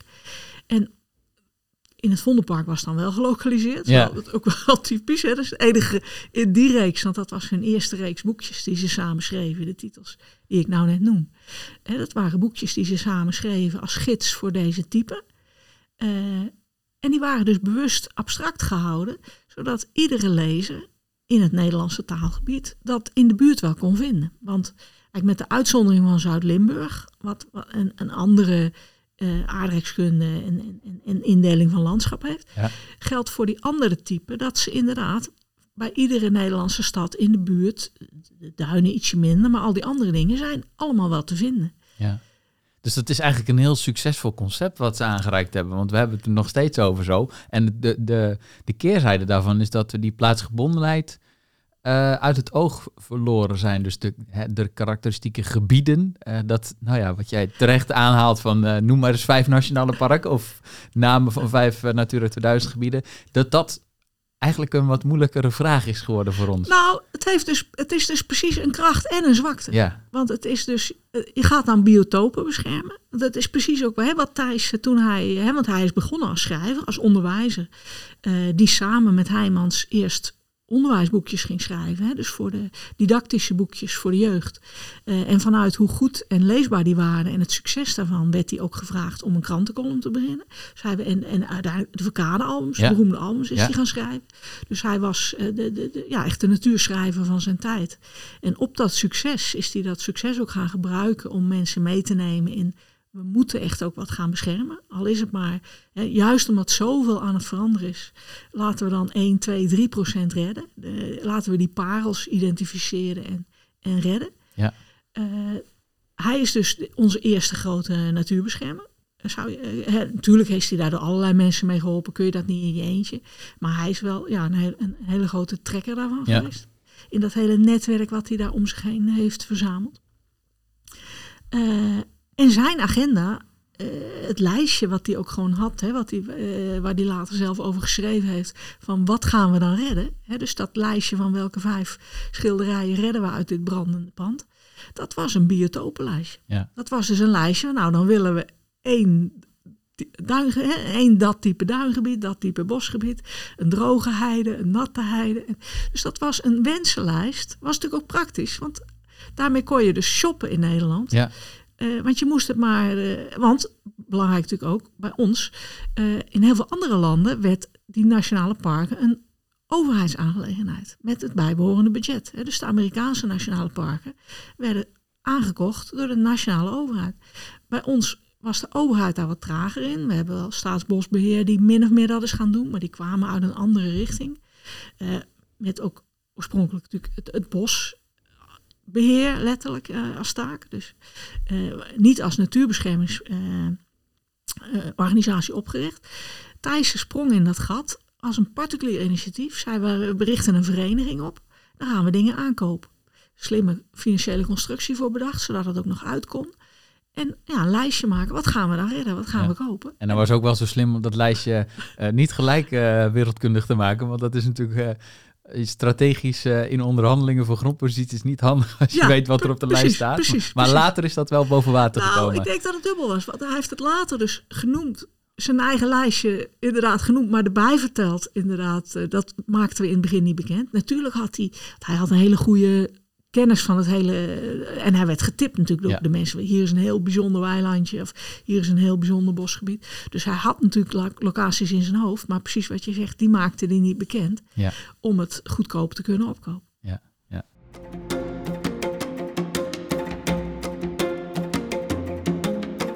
Ik denk dat het een, eh, een mooi moment is om ook weer even de brug te maken naar, naar deze tijd. Eh, om te beginnen wil ik even inzoomen op de periode 2010-2011. Voor een aantal natuurbeschermers, ook wel mensen die naar deze podcast luisteren, was het een soort van traumatische periode. Want wat gebeurde er? Even voor de mensen eh, lokaliseren. Tijd van kabinet Rutte 1. En uh, in Rutte 1 hadden we staatssecretaris Henk Bleker. Nou, voor sommigen is dat een soort rode lap, maar uh, ik noem hem hier toch wel gewoon even. Uh, hij bezuinigde, of Rutte 1 bezuinigde toen 60% op het budget van natuur. En daaraan gekoppeld was er ook een, een decentralisatie van natuurbeleid. Dus dat was eerst een rijksopgave en dat werd nou ja, vanaf ongeveer 2010, 2011 werd dat in gang gezet, werd het een provincietaak. Uh, dus provincies krijgen hier een, uh, een, centrale rol. En dat is nog steeds zo, want het is nooit teruggedraaid. En je ziet eigenlijk sindsdien dat in elk provinciaal natuurbeleidsplan er eigenlijk heel erg gezocht wordt naar het uh, voor een bepaalde provincie karakteristieken in de natuur. En dat gaan we dan beschermen. En dat wordt behoorlijk ver doorgevoerd. Tenminste, dat is een mening, mijn mening. Het wordt behoorlijk ver doorgevoerd. Zelfs in de sfeer van, nou ja, als je nou een, een soort pakt uh, die op verschillende plekken in Nederland voorkomt, wanneer gaan we hem nou beschermen als zijn de provincie Friesland, Gelderland uh, of vul maar in? Nou, dat is wanneer die meer dan je zou verwachten in de provinciegrenzen voorkomt. Dus meer dan, nou, voor wat algemenere soort uh, bewijzen van uh, 1 twaalfde van Nederland, het oppervlak, als meer dan het aantal kilometerhokken van een bepaalde soort meer dan 1 twaalfde is, dan is die karakteristiek voor Friesland, Limburg of Zeeland of vul maar in. Nou, die aanpak, daar, daar wordt behoorlijk um, ver doorgevoerd gevolg daarvan is wel een beetje dat uh, soorten die op heel veel verschillende plekken in het land voorkomen en nergens eigenlijk per se karakteristiek zijn, maar wel gewoon uh, ja, mooie natuur zijn, zou je kunnen zeggen, die vallen een beetje buiten de boot. Zou je kunnen zeggen dat als je naar die ontwikkeling kijkt, waar we sinds 2010, 2011 in zitten, is dat een, een, een opleving van nationalisme, van de misschien wel provincialisme? Of hoe moeten we dat duiden eigenlijk? Ja, ik ga, ik ga er naar kijken met, met, met, de, met die 19e eeuwse bril. Doe dat. Uh, dat ik het. Uh, want het, ik zal er ook bij zeggen, rond, ik, rond 2010 uh, zat ik in mijn vrije tijd in de 19e eeuw, in die ja. bronnen. Dus ja. ik heb de details van wat zich toen afspeelde in het Nederlandse natuurbeleid toen niet zo goed gevolgd. Dus, maar ik snap wat je bedoelt, de trend die toen in is gezet. Ja. met die 19e eeuwse blik kijkend zou ik zeggen, het is op zich helemaal geen probleem. Wat ik net zei, alles om het te willen beschermen, om het te willen behouden, begint met dat je ervan moet houden. Ja. Met die liefde ervoor. Zeker. En die liefde kun je, uh, wat mij betreft, op die verschillende geografische schalen. Ja, dat mag je dus opschalen. Je kunt ook een stad, uh, steden doen dat tegenwoordig. Ook een stad kan zeggen, wat, is wat noemen wij onze kenmerkende ambassadeursoorten. Een provincie kan dat doen, een land kan dat doen. Natuurlijk heeft dat altijd ook gevaren en nadelen. Door je heel erg op een bepaalde ambassadeur of icoonsoort te richten, verlies je andere dingen uit het oog. Uh, ja, dat kunnen de algemene soorten zijn, of, of, of, het hele bodemleven bijvoorbeeld. Ja, dat speelt ja. hier natuurlijk geen rol in. Klopt. Uh, dus natuurlijk heeft het ook een gevaarlijke kant om, om, om dat soort iconen of, of, of uh, ambassadeursoorten uit te kiezen. Maar op zich het is ook een manier om mensen juist wel mee te nemen in waarom is dit belangrijk. En als je ze slim kiest, kunnen ze uh, door de, de, de, de, biotoop, de levensgemeenschap waar ze deel van uitmaken, om het op zijn uh, levensgemeenschap ja. is een typische term uit die tijd. Ja. Maar, hè, dus door ze slim te kiezen kun je ook nog zorgen dat ze als ambassadeur een hele biotoop of levensgemeenschap meeredden. En dan zie ik op zich nou, laat ik het zo zeggen. Als je met dat soort soorten werkt, dus mensen via een bepaalde ambassadeur of, of icoonsoort bindt aan, aan natuur, dan is dat op zich niet gevaarlijker om dat te doen op stadsniveau of op regioniveau of op nationaal niveau of op Europees niveau. Dus jij ziet het ook wel als een kracht eigenlijk, dat, dat die stap is gemaakt naar nog iets dichter bij huis brengen. Nee, kijk, een hele andere vraag. Is het een goed idee om het, het, het natuurbeleid, de budgetten daarvoor, helemaal naar, te decentraliseren. Wat vind je daarvan? Laat ik hem dan toch gewoon stellen. nee, maar ik denk, laat ik zo zeggen. Uh, nou, nee, dat is eigenlijk ook wel interessant. Ik denk sommige dingen, niet voor niks uh, is de natuurbescherming, ook door iemand als Thijs, die dus iemand was die niet van dat bange nationalisme was, maar die denk ik een echte internationalist was, ja. toch is, heeft hij ervoor gekozen om op nationaal niveau de natuurbescherming voor het eerst te organiseren. Ja. Omdat de, de nationale schaal is een hele krachtige, belangrijke schaal. Sommige dingen doe je, kun je beter op nationaal niveau doen dan op regio of op stadsniveau. En daar hoort natuurbescherming, denk ik, typisch bij. En net zoiets als een nationale omroep of, of, of de, de, de sociale zekerheid. Sociale zekerheid is een verzekering die we samen afstellen samen, samen afsluiten. Ja. Uh, voor een verzekering heb je altijd een groot genoegen pool nodig. Wij kunnen niet zeggen, nas, uh, nationale verzekering hoeft niet meer, sociale zekerheid gaan we op stadsniveau doen of op dorpniveau. Want in Bennekom kan het dan ik noem maar even hoor, iets Ja. waar ik net voorbij ben gewoon, misschien, misschien slecht voorbeeld, kan het daar wel uit. Maar er zijn steden waar dat niet uit kan. Je Ja. hebt een bepaalde omvang nodig, met bepaalde eh, eh, eh, spreiding van het risico. Nou, de natie is voor, is voor zoiets bijvoorbeeld een goede scha- schaal. Hetzelfde geldt voor de ruimtelijke ordening. Wat, wat, hoe, hoe verdelen we de bedrijven bepaalde functies over, over een bepaalde geografische eenheid? Waar doen we de, een vliegveld? Waar doen we bedrijventerrein? Waar doen we de hoogovens? Nou, dan is de natie best een handige schaal om dat af te spreken met elkaar. Want anders krijgt iedere stad een, eh, Een hoog over. Een. Ja. Nou, ik denk dat dat wel los zal lopen, maar je ziet wel... Is, ik vind het wel interessant dat je het koppelt aan de ruimtelijke ordening. Want wat je wel in de afgelopen 20, 30 jaar gezien hebt, dat is dat elk dorp en elk stadje, zou je kunnen zeggen, zijn eigen industrieterrein heeft gekregen. Ja, dus nou, die is- ja. ontwikkeling zie je dus wel. We hebben wel allemaal, elk. Elk eh, zichzelf Ja. respecterend, tussen aanhalingstekens, eh, dorp of stadje heeft een eigen industrieterrein. Want ja, dat is, we gaan door in de vage Nou ja, dat is dus een, eh, dus een voorbeeld van misschien niet zo handig om dat op dat niveau te. En ik denk dat je dus die concentrische cirkels, hè, dus ik, ja, de, lezer, of de, de luisteraar ziet mij nou niet die opschalende bollen omarmen, maar stel, dus van meloen naar hè, groter. Ja. Hè, dus zoals je een schoolkind leert van je hebt je eigen buurtje, je hebt je stad, je hebt je regio, je hebt je land, je hebt je continent, we hebben de wereld. Nou, ik denk dat je bij ieder vraagstuk gewoon moet, objectief moet kijken op welke schaal kun je dat het beste doen. Ja. En natuurbescherming is dus een, is iets wat je dus best verstandig is om dat op nationale schaal te, te regelen. Want dan zit je in tussen de schalen. Tenminste, als het gaat om grotere gebieden. Ja, hè? ja. Eh, het is natuurlijk, eigenlijk moet het op alle schalen. Ja. En dan moet je ook in de stad kijken, wat doen we eraan? En ook in de regio kijken. Maar zeker de nationale schaal is belangrijk om een soort nationale structuur op, op die geografische schaal een goede, ja, dus een, een Veluwe te redden, of een Peel te redden, of de Wadden te redden, of een duinreservaat te maken. Dus die nationale schaal is belangrijk. En je moet dus niet te, niet te snel zeggen, dat kan wel verder op provinciaal of op stadsniveau. Eh, dat even als, als een soort beleids, algemeen beleidsprincipe. Ja. Waar ik ook direct aan moet denken is, wat je natuurlijk ook ziet, en dat zie je ook een beetje in het stikstofvraagstuk of stikstofdebat eigenlijk. Eh, als je kijkt naar waar de grootste opgave ligt voor eh, het, het eh, reduceren van de stikstofuitstoot. Nou, dat ligt heel nadrukkelijk in twee provincies, namelijk Gelderland, rond de Veluwe, enorm veel bedrijven. En in Noord-Brabant, want je noemde de Peel al, Mhm. nou, dat is ook zo'n Ja. voorbeeld. Ja.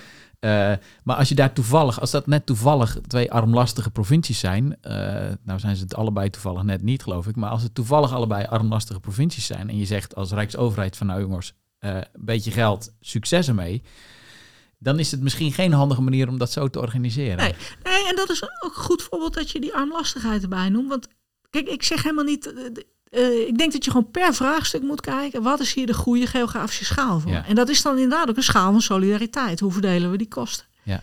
En eh, het zou dus denkbaar zijn dat voor een bepaald milieuprobleem geldt. Dat je zegt, nou, dat is inderdaad, dat speelt alleen in die provincie. Dat kan die provincie aan. Dus dat is typisch iets om daar te, op dat niveau bestuurlijk te regelen. En dat zou zo ook voor een stad kunnen gelden. Ja. Maar op sommige dingen, en daar speelt dan die, die, die verzekering en solidariteit ook een rol in. Eh, stel dat het in, precies zoals je zegt, dat het maar in één provincie of twee provincies speelt. Maar je hebt wel de nationale schaal nodig om, om de financiële solidariteit op te brengen. En het gaat ook om een natuurgebied waar we eigenlijk met het hele land van profiteren. Ja. Nou, dan is dat dus iets om op nationaal niveau te doen. Maar dus er is niet één ideaal niveau. Je moet gewoon per vraagstuk kijken, wat is hier het goede schaalniveau voor. Maar waar ik voor wil pleiten is eh, in het verhaal van het nationalisme, hè, dat, Ja. dat zit al een beetje in het isme ook, hè, Ja. van dat is iets engs en slechts. We hebben natuurlijk, er is een soort, begrijpelijk, door hoe de 20e eeuw is verlopen en met, met, met de, de enorm zwarte eh, ontwikkeling natuurlijk die het nationalisme in die, die, die enge, agressieve, bekrompen vorm van nationalisme eh, heeft genomen in die eeuw, is, is het idee van eh, nationaal ergens van houden of trots op zijn of eh, na, een natieliefde voelen, is ja, zo eh, besmet geraakt dat, dat soms inderdaad, ja, dat we dingen niet meer op die nationale schaal willen doen. Eh, nu, nu, dat geldt eh, niet voor alle beleid natuurlijk. maar- Nee, nee, nee. Nee, maar ik zit maar het even... is te- een soort besmet. Nou ja, dat is natuurlijk ook waar je de inleiding mee begon. Ja. Van is het nou eng dat mensen weer van eh, als er een, een gevoel op zou komen eh, van we moeten eh, bepaalde dingen Nederlands regelen of Nederlands zien. Nou ja, je ziet natuurlijk bij, laten we het dan gewoon maar even de stroming noemen, de PVV van, hè, die heeft de verkiezingen geworden met de slogan eh, Nederlanders weer op één. Dat appelleert natuurlijk aan een gevoel van we zijn in de steek gelaten en dat komt door allerlei dingen die we internationaal zijn gaan regelen en daardoor zijn wij buiten beeld geraakt. Ik, ik chargeer natuurlijk een beetje, maar ik moet er met zeven mijls laarzen doorheen. Maar, maar, je- merkt nu een beetje van oké, er er zijn eh, nou ja, onderhandelingen voor een kabinetsformatie eh, zijn eh, nu net begonnen dat de tendens een beetje is van ja, weet je, uh, stikstof, uh, dat is helemaal geen probleem. Uh, landbouw, gewoon lekker doorgaan, jongens. Maakt helemaal geen zak uit. Er is niks aan de hand. Een beetje dat, die, die, die sfeer hangt er een beetje omheen. dus ik denk dat misschien is nu ook wel een, een goed moment in, in de aflevering om even. We, we hebben de geschiedenis zijn we ingedoken.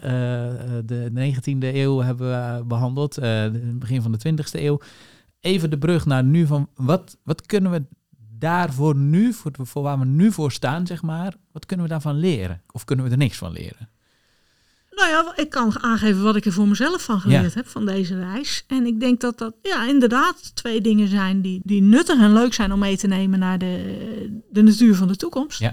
Uh, is dat we enerzijds dus door die bijzondere loop van omstandigheden, die onderwijzers die, die, die onze natuurbeschermers zijn geworden, uh, dat we daardoor in Nederland dus een, een, een, een, een eigenlijk heel toekomstgericht bijzonder natuurbeeld hebben. Toekomstgericht noem ik het, hè, omdat het, het is uh, dus niet verbonden, uh, wat wij onze mooie natuur vinden, zijn hele biologische definities.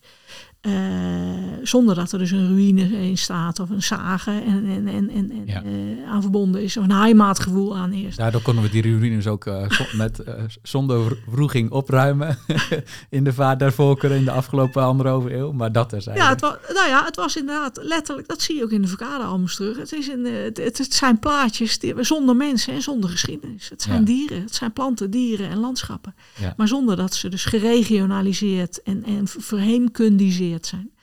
En dat geeft ons mogelijkheden nu, want uh, naar de natuur van de toekomst toe hebben wij dus een natuurbeeld waardoor we relatief openstaan voor inderdaad nieuwe natuur aanleggen. Dus, dus zeggen, nou dan maken we daar ook natuur van en dat mag er ook anders uitzien dan vroeger. Uh, dat schept mogelijkheden, maar het heeft ook zijn, uh, zijn nadelen. Want doordat we gemiddeld genomen dan, hè, natuurlijk chargeren we nu, want natuurlijk zijn er ook terecht mensen gewoon wel gehecht aan speciaal de Veluwe of ja. speciaal de Peel of speciaal de Mijnweg of speciaal de Wadden. Maar door de bank genomen hebben we inderdaad, ook op beleidsniveau, een houding die inderdaad open staat voor, ja, maar kunnen we dat natuurgebied niet verplaatsen? Want het is een beetje onhandig dat deze 10 kilometer uit elkaar liggen, twee verschillende. Kunnen we niet gewoon de, dat samenvoegen en dan wordt het een twee keer zo groot, groot gebied op een van die twee plekken? Daar staan wij relatief open voor. Uh, door onze geschiedenis van wat wij nationale natuur vinden. Nou ja, dat is een, een kracht en een zwakte. Het is ja, in ieder geval goed om dat te beseffen elkaar. En ook hoe we met ons landschap omgegaan zijn, denk ik. Want we zijn ook, nou ja, niet om onszelf nou een compliment te geven, maar de maakbaarheidsgedachte is wel uh, eentje die heel populair is bij ons. Wij, wij, wij, denken ook dat we alles kunnen maken, omdat we dat tot op heden ook heel vaak gekund hebben. Ja. Maar maar misschien is natuur dan een van die dingen die dan weer wat lastiger te maken is. Nou, eh. ik, dat, die, maakbaar, nee, die maakbaarheidsdrang is bij Nederlanders heel sterk natuurlijk. Want zelfs als we dus inderdaad in de stad gaan vergroenen en, en, en, daar nieuwe natuur maken, dan is het toch, we willen toch graag iets doen ook. Precies. dus, eh, want ook Thijssen zat al in die sfeer overigens. Die bepleitte al dat iedereen in zijn eigen tuin een, wat hij noemde een vogelbosje of een, een rommelhoekje liet. Uh, Tijd maar, is niet veranderd. Nee, oh, Thijssen zou het zou zo met plezier zijn ogen nu uitkijken wat er nu allemaal gebeurt. Maar het aardige is, bij Thijssen is dat, wat hij zegt, is laat gewoon een hoekje met rust. Dat regelt zichzelf wel. Nu is het, gaan we dus een, een, een, een, een ja, een vlinderhoekje of whatever. Hè. Moet het inrichten, aanplanten. ja, dan moeten we iets gaan kopen in het tuincentrum. Dan gaan we dus zaden kopen en we gaan iets planten. En, en, dus wij gaan een natuurrommelhoekje maken. Precies, ja. In plaats van we gewoon zeggen, laat het daar even, laat het even los. Ja. Nou ja, die beweging zie je natuurlijk ook wel. Hè? Dus uh, in de podcast hebben we er ook wel eens meerdere keren over rewilding gehad. Uh, dat kan ook op verschillende schalen. Dat haakt wel mooi aan op mm. wat jij uh, noemt. Maar aflevering 2 was dat al met Liesbeth Bakker, die ook zei van ja, rewilding. Je kunt het ook gewoon toepassen in je eigen tuin door een stukje inderdaad te laten zoals het nu is. En daar de natuurlijke processen die er zeker nog steeds zijn, zijn gang te laten gaan. Denk aan neerslag, wind, uh, nou ja, blaadjes die door de wind ergens wel of niet neergelegd worden. Laat het maar liggen en laat het maar gaan. Dat stukje, en dat is ook heel leerzaam, want uh, dat is voor ons ook heel moeilijk, want we moeten dan echt op onze handen zitten, want wij willen nou ingrijpen. Dat is ook het leuke van Nederland natuurlijk en van Nederlanders, dat we willen zo graag iets doen. Dus, en, en dat moet je misschien ook inderdaad niet tegen willen gaan. Want het zit zo diep in onze knutselnatuur. Dat wij, wij vinden het dan gewoon leuk om naar het tuincentrum te gaan en daar een pakket te kopen. Om, om een stukje wilde natuur in de tuin te gaan maken. Ja.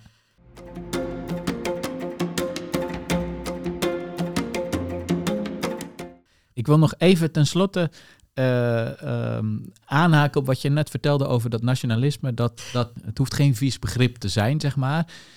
Maar aan het begin van deze aflevering hebben we ook al wel geconstateerd dat er verschillende vormen van nationalisme zijn. Dat het met verschillende gezichten komt eigenlijk. Dus misschien tenslotte dan de vraag van hoe moet je nu even gericht op natuurbescherming met eh, die verschillende gezichten van dat nationalisme omgaan? Want het kan ook gevaarlijk zijn dat het lijkt dat het de ene vorm is, ik zou maar zeggen de sympathieke variant, Ja. maar dat het ondertussen de, de wolf in schaapskleren, dat het de andere variant is. Nou ja, ik heb.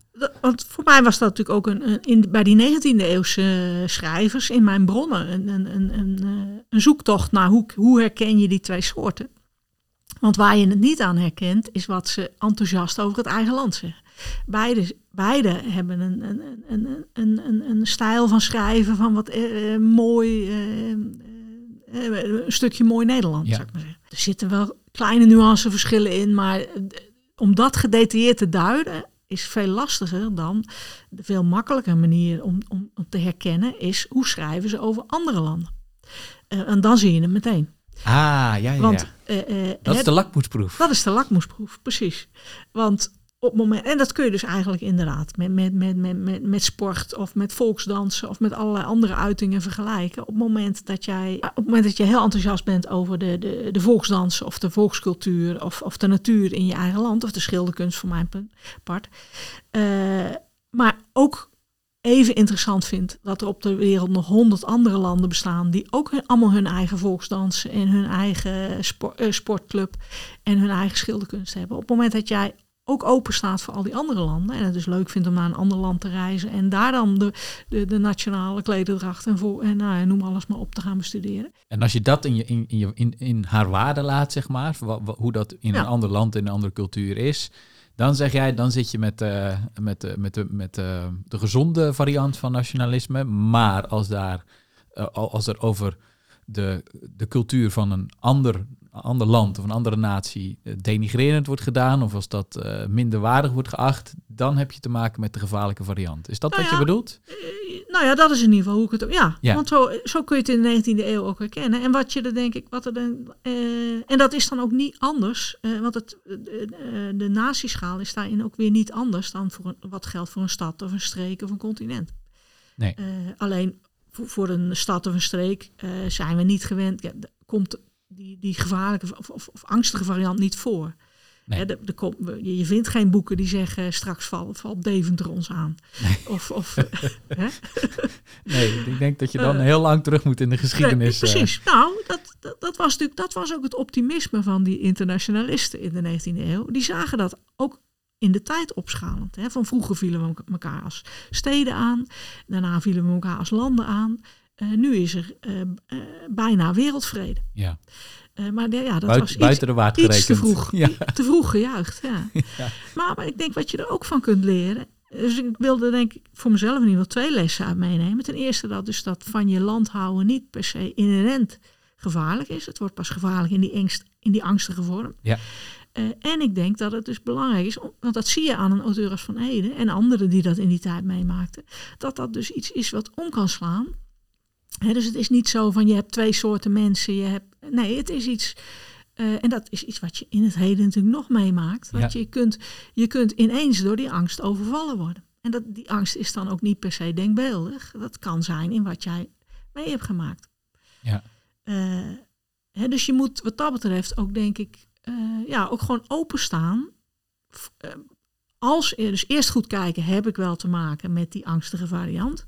Of is het iemand die, is het gewoon een vorm van liefde die, die, die, die, die, die ongevaarlijk is, omdat die ook open staat voor andere landen, steden, of noem maar op.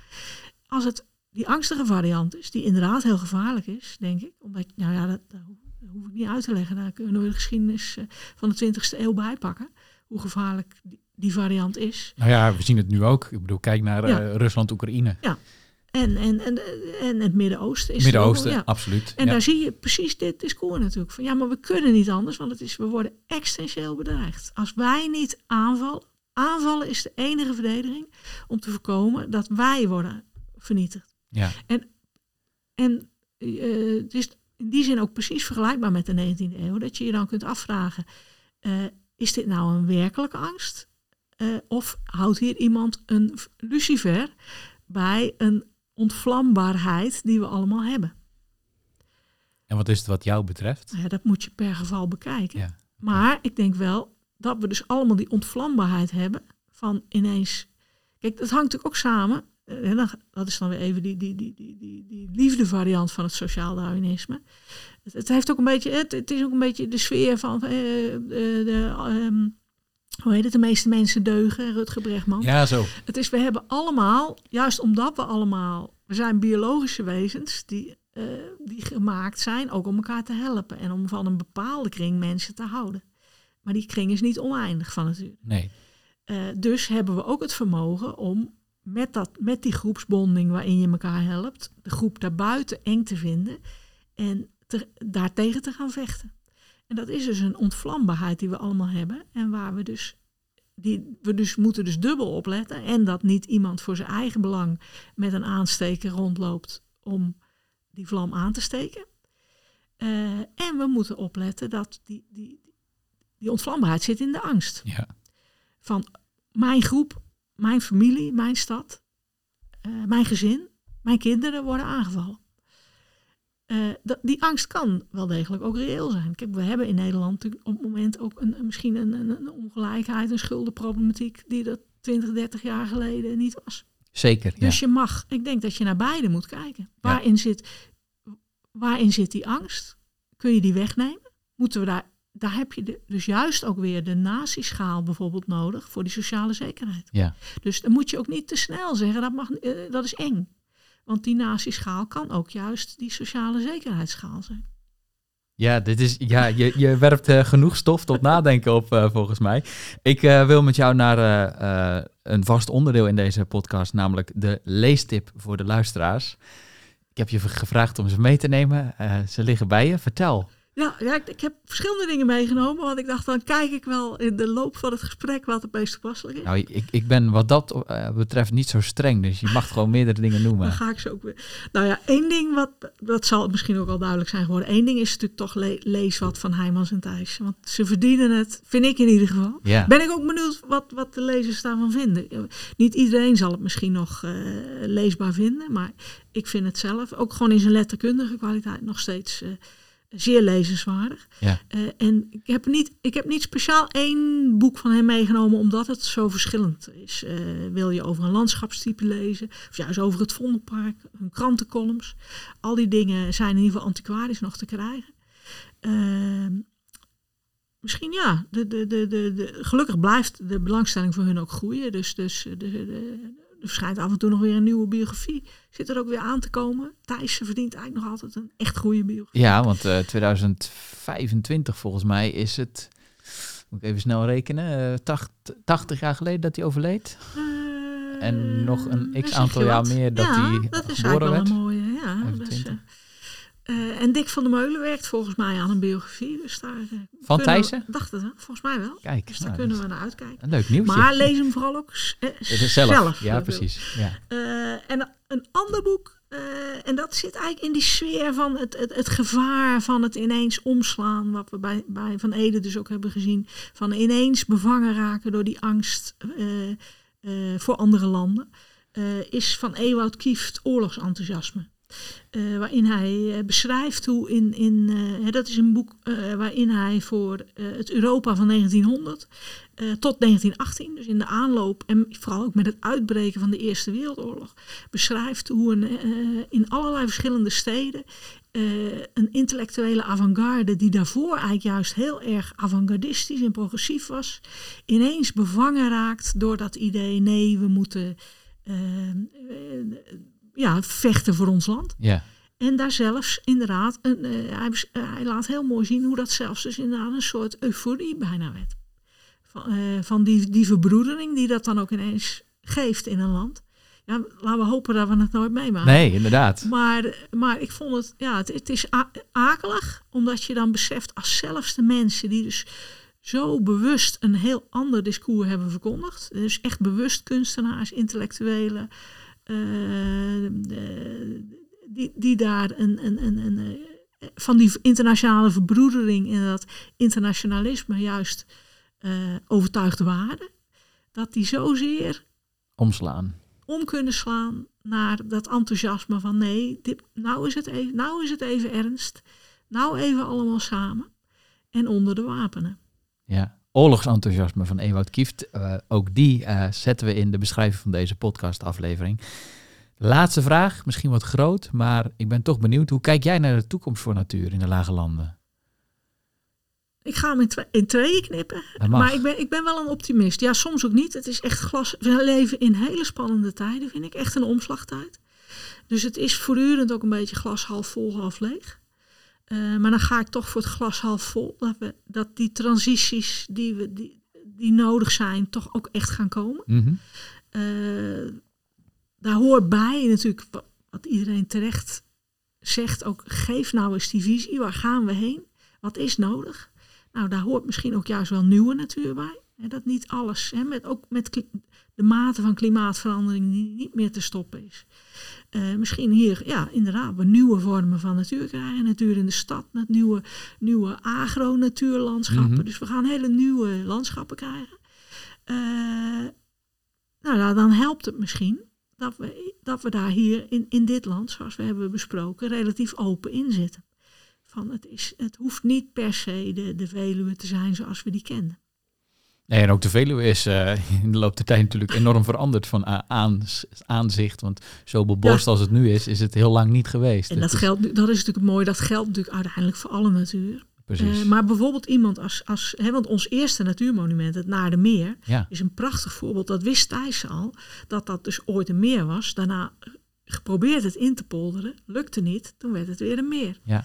Dus die, die, die hele cultuurlijke voorgeschiedenis, eh, die, die kende Thijs ook al.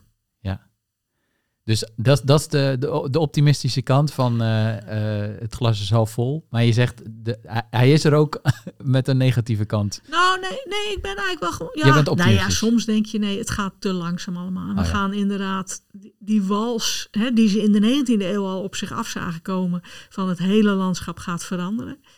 Eh, waarvan ze toen nog niet het gevaar zagen trouwens. Toen dachten ze gewoon, wij zijn, de mens is zo machtig, we veranderen het hele landschap. En Ja. dan wordt het iets goeds. Nu zien we denk ik terecht van nee, we hebben, we hebben de natuurlijke omgeving, het natuurlijk leven nodig. Dus we zijn ons eigen eh, bed aan het eh, afbranden. Ja. Eh, of ja, een We beetje- kennen de keerzijde ervan. ja, inderdaad. dus we zien Ja. dat het anders moet. Dat, Ja. dat, dat we dus een omslag, die beroemde transities moeten gaan maken. Maar gaat dat snel genoeg lukken? Dat, dat, daar kun je soms pessimistisch over zijn. Maar ik ben per saldo, eh, ja, ook als je al wat ouder bent, vind ik. eh, ik heb al twee keer eerder zo'n zo'n golf, hè, 1972 als lagere schoolkind. In, in de jaren 80 de, de, de, de, de Brundtland duurzaamheidszorgen zorgen voor morgen. Ik denk, nou, ik heb, vind nu wel er een echt andere dynamiek heersen. Want nu gaan we het echt doen. Terwijl toen was het toch allemaal meer in de sfeer van eigenlijk zou het moeten. Dus ik ben optimistisch over dat het gaat lukken. Eh, ja, spannend is natuur, in, omdat je zei natuur in Nederland. En ik kijk dan ook even Europees. Ja, Europees kun je zeggen, ja, Nederland is één grote stad. Dus we hebben natuur in Nederland, dat zei ze in de 19e eeuw ook al hoor. Ja. Als je vanuit Engeland komt, de natuur begint in Duitsland. oh ja. Nederland is een stad waar je doorheen rijdt. ja. of met, of met de trein. En dan begint in Duitsland de echte natuur. Dus met die blik kun je zeggen, ja, natuur in Nederland, waar hebben we het over?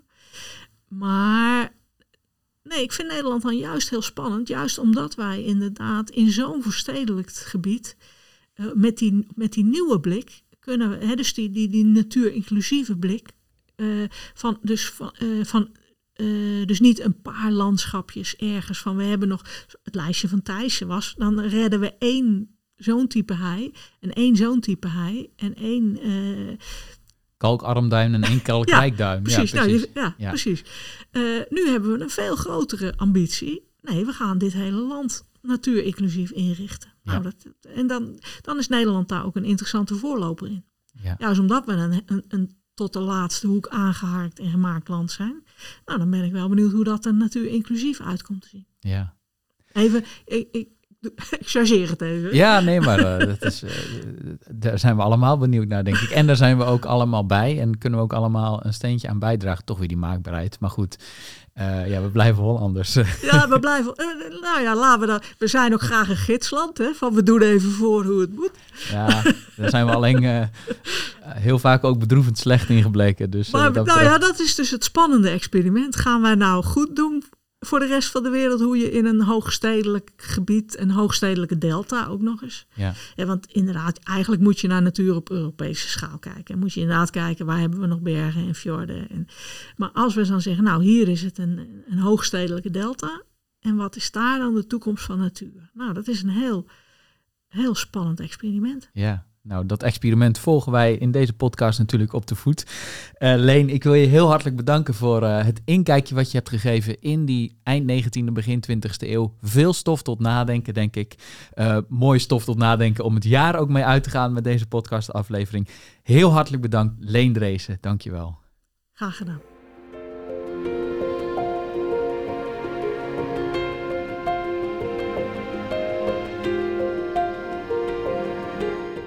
Zo, dit was aflevering 49 van Toekomst voor Natuur. Laat ons gerust weten wat je van deze aflevering vond. Dat kan op het eh, bekende mailadres toekomstvoornatuur.vlinderstichting.nl of eh, op de sociale media zijn we natuurlijk ook te vinden. Dit was ook de laatste aflevering van 2023. We hebben er eh, veel plezier in gehad om in het afgelopen jaar heel veel podcasts voor jullie te maken. En daar gaan we in het volgende jaar, 2024, gewoon mee door. In die volgende aflevering, die verschijnt alweer over twee weken op 6 januari. En dat is nummer 50, dus wel even een momentje. Gaan we ook heel even bij stilstaan. En dat doen we onder andere door eh, ja, jullie inbreng ook mee te nemen. Er zijn heel veel luisteraars die eh, gereageerd hebben op de vraag... hoe houd je hoop als natuurliefhebber? Heel veel dank daarvoor, voor al jullie reacties en de berichtjes die, die jullie daarbij gestuurd hebben. Waarderen we zeer. Gaan we meenemen in de volgende aflevering. En ehm, ja, mocht je denken, wat een zwaar thema. Er waren ook wat mensen die dachten, heeft die Antoni nou zijn hoop verloren? Nou, dat valt reuze mee. Maar het is wel een, eh, een onderwerp wat je, als je je oor te luisteren legt bij natuurliefhebbers deze dagen, wat je wel een beetje hoort, hoort doorschemeren eigenlijk in de gesprekken. Dus daarom dacht ik, een goede reden om het daar ook eens over te hebben in die 50ste aflevering. Dat doe ik niet alleen, uiteraard met een gast. En dat is in deze aflevering Rian van der Born.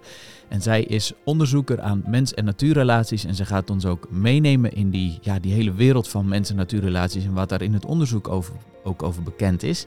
En uiteraard, al jullie reacties gaan we daarin ook terug laten komen. Heel veel dank nogmaals. Fijne feestdagen en eh, tot de volgende.